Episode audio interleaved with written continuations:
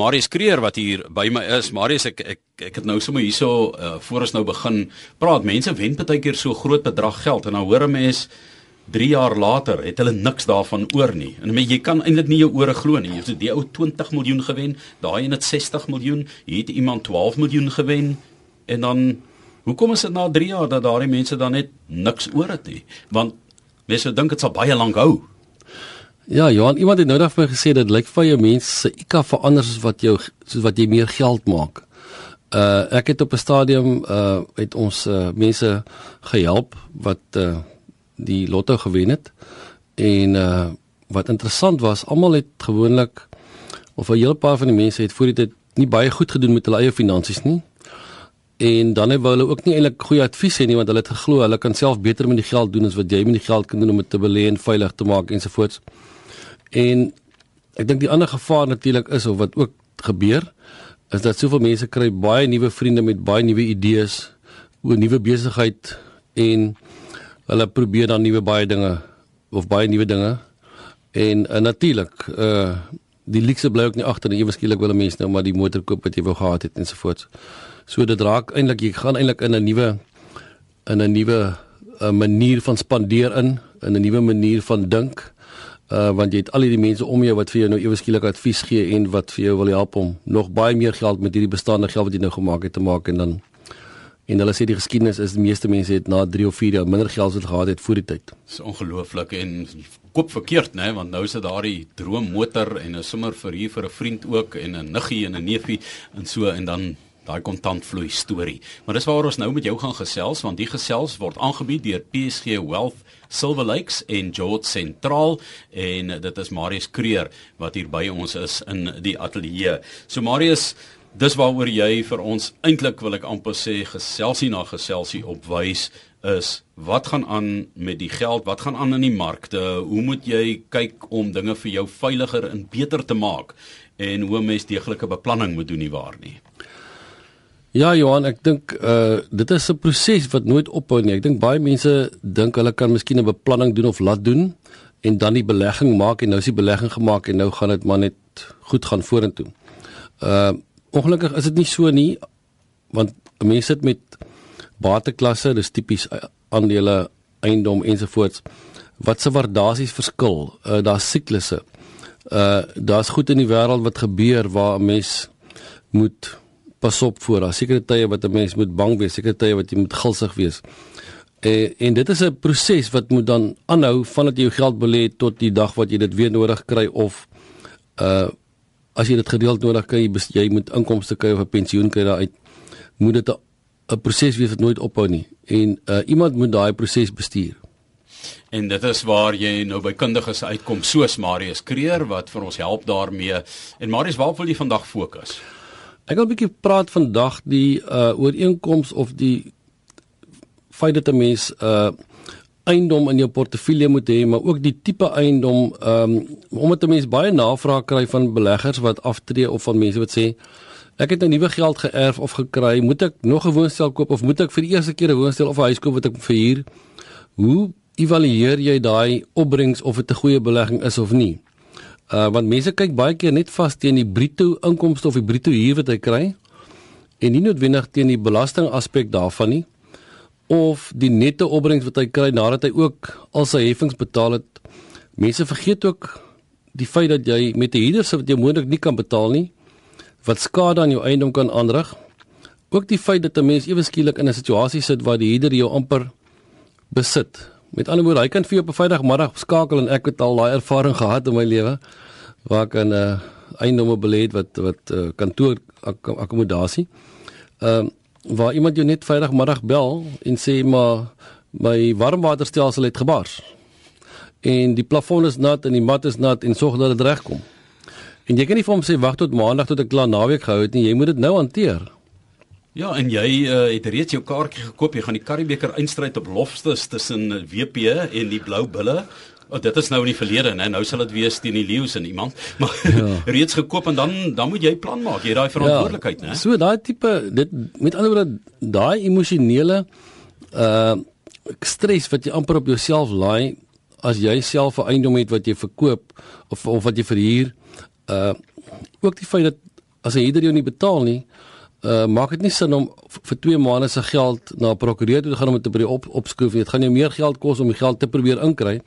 En as jy ook nie seker jy kry nie, so jy skryf dit weer af. So as jy gewoonlik die sommetjies doen en jy sê maar as ek soveel huur per maand kry en ek betaal net soveel ehm uh, heffing, dan lyk die sommetjies goed. Maar jy moet al hierdie ander goed ook in die pot gooi en dan moet jy by 'n antwoord uitkom. En ek sê net daar's eintlik 'n beter manier om dit te doen.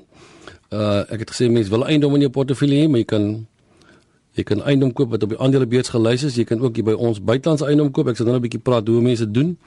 Ehm um, en hier mark het eintlik die afgelope paar jaar en op oomblik nog altyd 'n baie swak opbrengs gelewer. Ek dink nie kry nie veel meer as 6% as jy residensiële eiendom besit nie. Nou goed, dit is 'n um, ernstige besluitneming, né? En ek dink die hele administrasie van 'n eiendomsportefeulje, as jy dit self hanteer, moet 'n mens ook verreken uh daai vorm van stres waarvan jy nou gepraat het en uh, jy gaan vir ons 'n paar wenke gee ook um as jy dan nou op 'n ander manier uh wil te werk gaan met jou geld en jou beleggings. En jy het ook 'n um, bietjie gaan kyk na na na na hoe lyk markte oor die afgelope tyd en wat gebeur het oor tydperke? Wat was vir jou interessant? Ja, as 'n mens kyk na byvoorbeeld die verskil tussen uh kommersiële eiendom wat uh inflasie geklop het oor die afgelope 20 en 30 jaar met uh, plus minus 8% teenoor residensiële eiendom wat inflasie gekoop het met plus minus 2%. Uh dan sê dit eintlik sê dit al vertel dit eintlik al klaar vir jou die storie waar behoort jy jou geld te hê.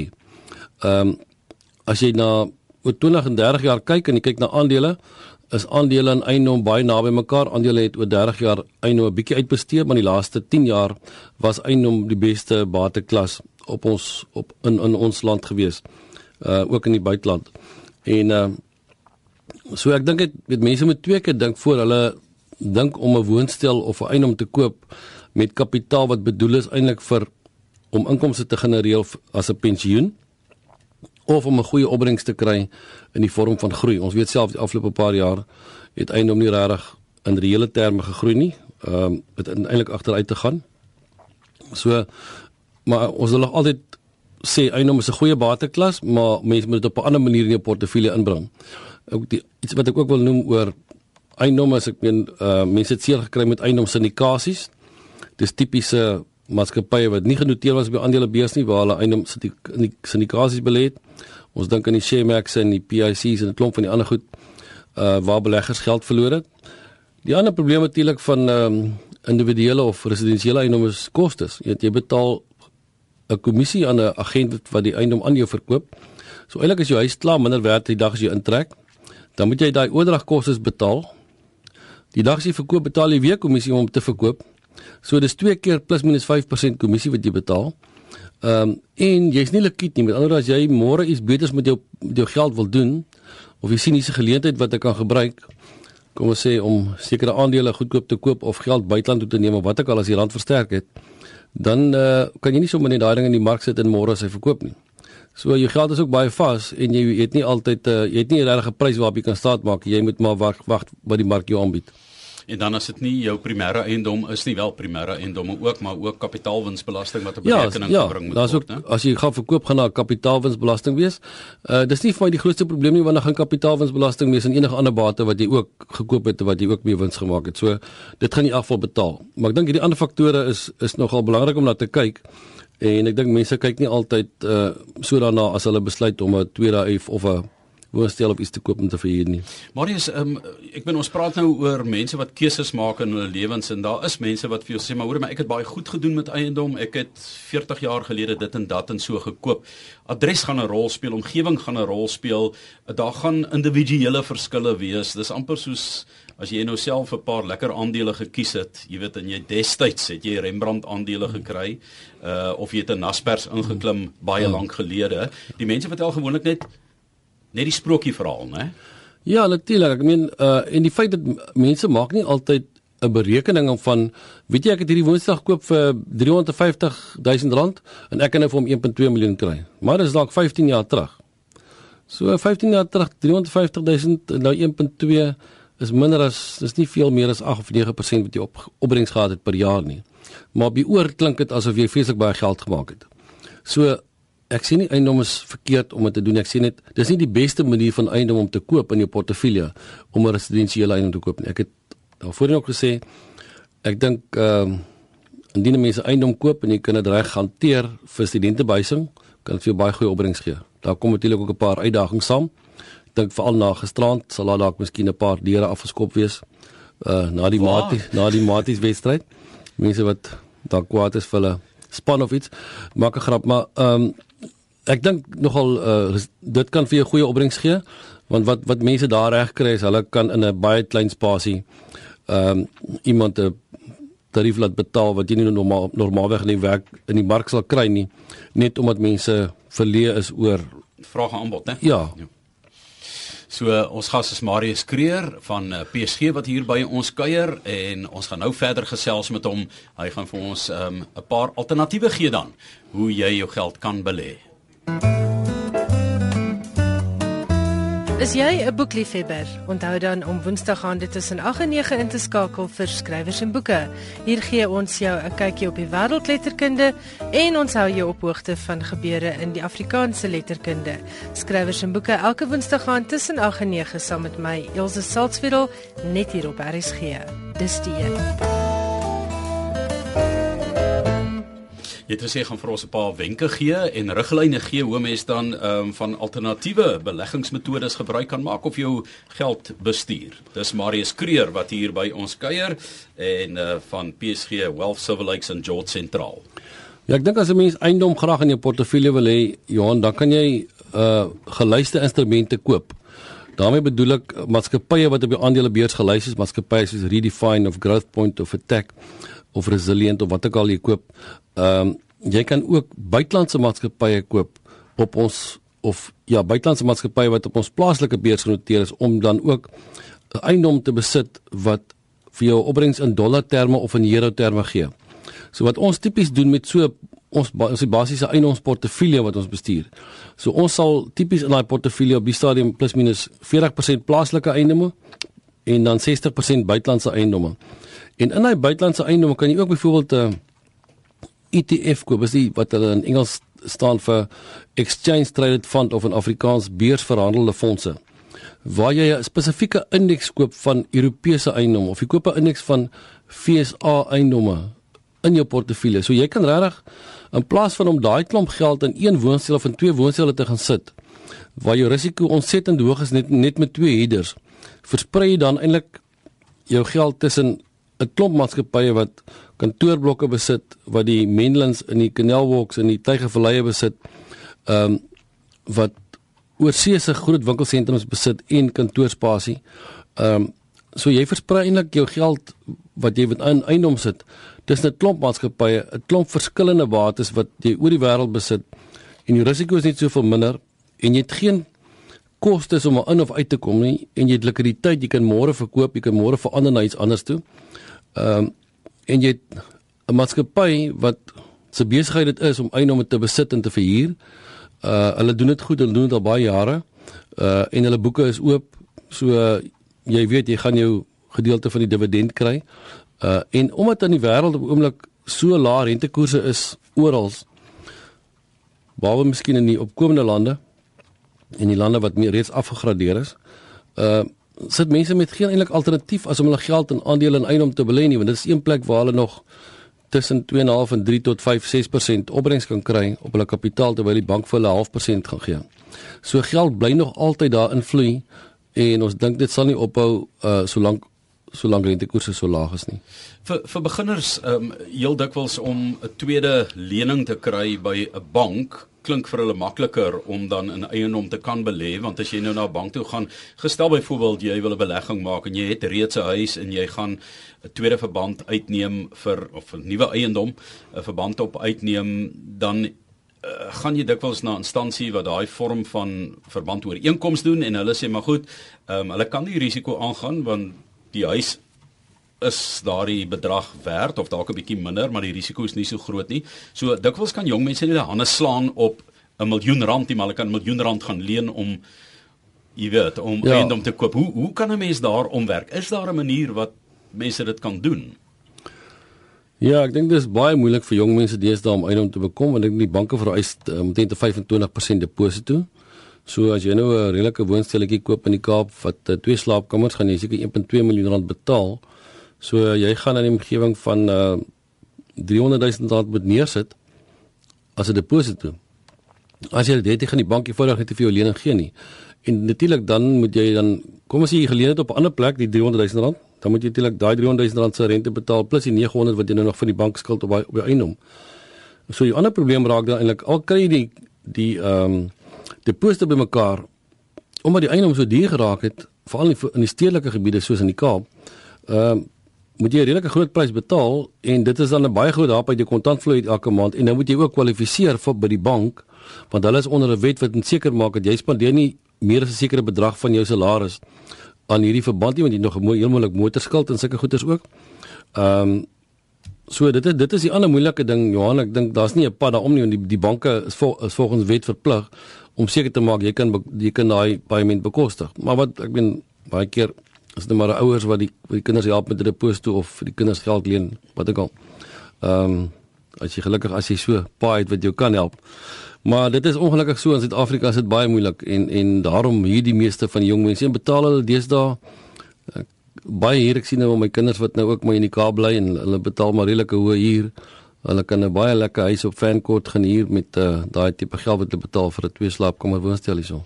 Ja, en dit is ook iets wat ek wil hê jy moet net weer vir ons perspektief gee want as 'n mens gaan kyk na ehm um, jy weet met die oorgang in Suid-Afrika ook hoe geld ehm um, verwissel het van hande, hoe mense pakkette gekry het, daarmee beleggings gaan doen het en ek praat nou uh, veral hierso van die 90er jare, né, die begin 90er jare.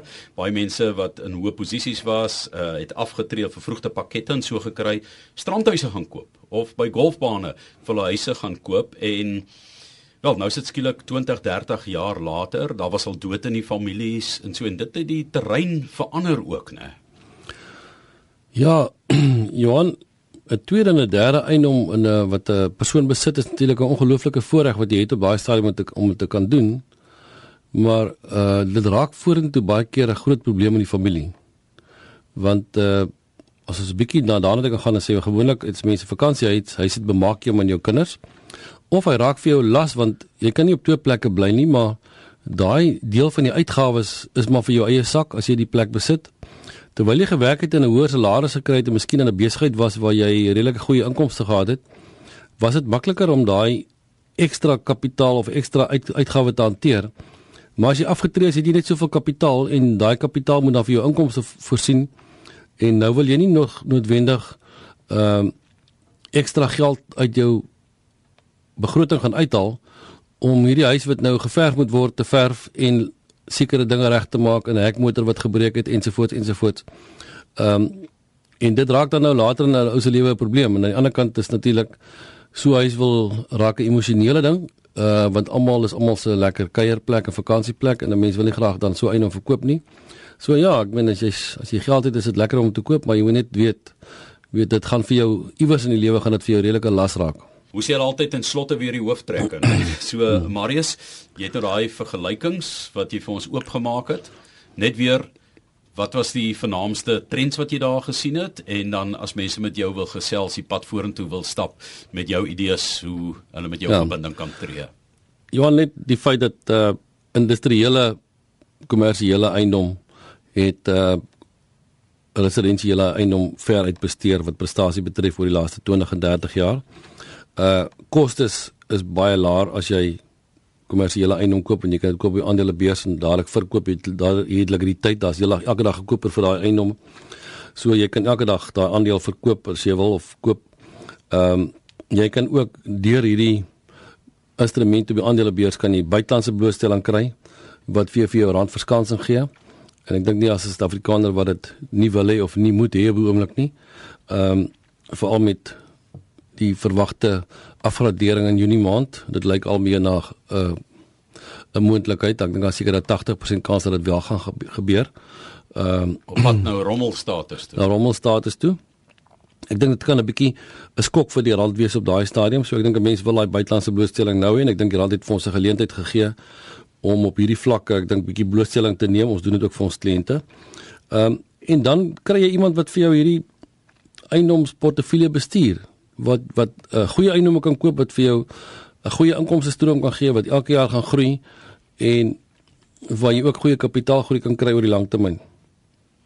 Ja en nog steeds ehm um, markte wat maar stram en moeilik is nê. Ehm um, Marius, ons het oor jare gesels oor daai hele ding wat in Amerika gebeur het en nog steeds het 'n mens die rimpelings daarvan. Die ekonomie is 'n ding wat ehm uh, wat jy nou sommer binne 2 jaar die hele wêreld verander nie en dit is juist hoekom jy so ingestel is op medium en langtermynmarkte. Ja, Johan, ek dink wat nogal belangrik is as ons nou na Januarie kyk, ek dink Januarie maand na eerste 2 weke het dit nogal gevoel as jy aandele gehad het, was jy nogal lus om jou polse te sny want ek meen dit het net donker gelyk.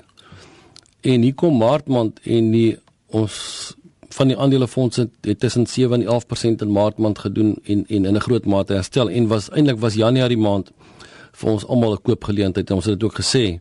Uh daar sekerre tye wat 'n mens voel veral as jy dink daar's bloed in die strate. Uh wanneer niemand aandele wil hê nie, is dit maar 'n tyd om te koop. Uh want maatskappye verdwyn nie net. Maatskappye soos Coca-Cola of Microsoft of Berkshire Hathaway of Apple of Johnson & Johnson gaan nie verdwyn nie. Maar so as so maatskappye se prys ewe skielik omdat die mark negatief is met 20 of 30% afkom, is dit gewoonlik 'n koopgeleentheid.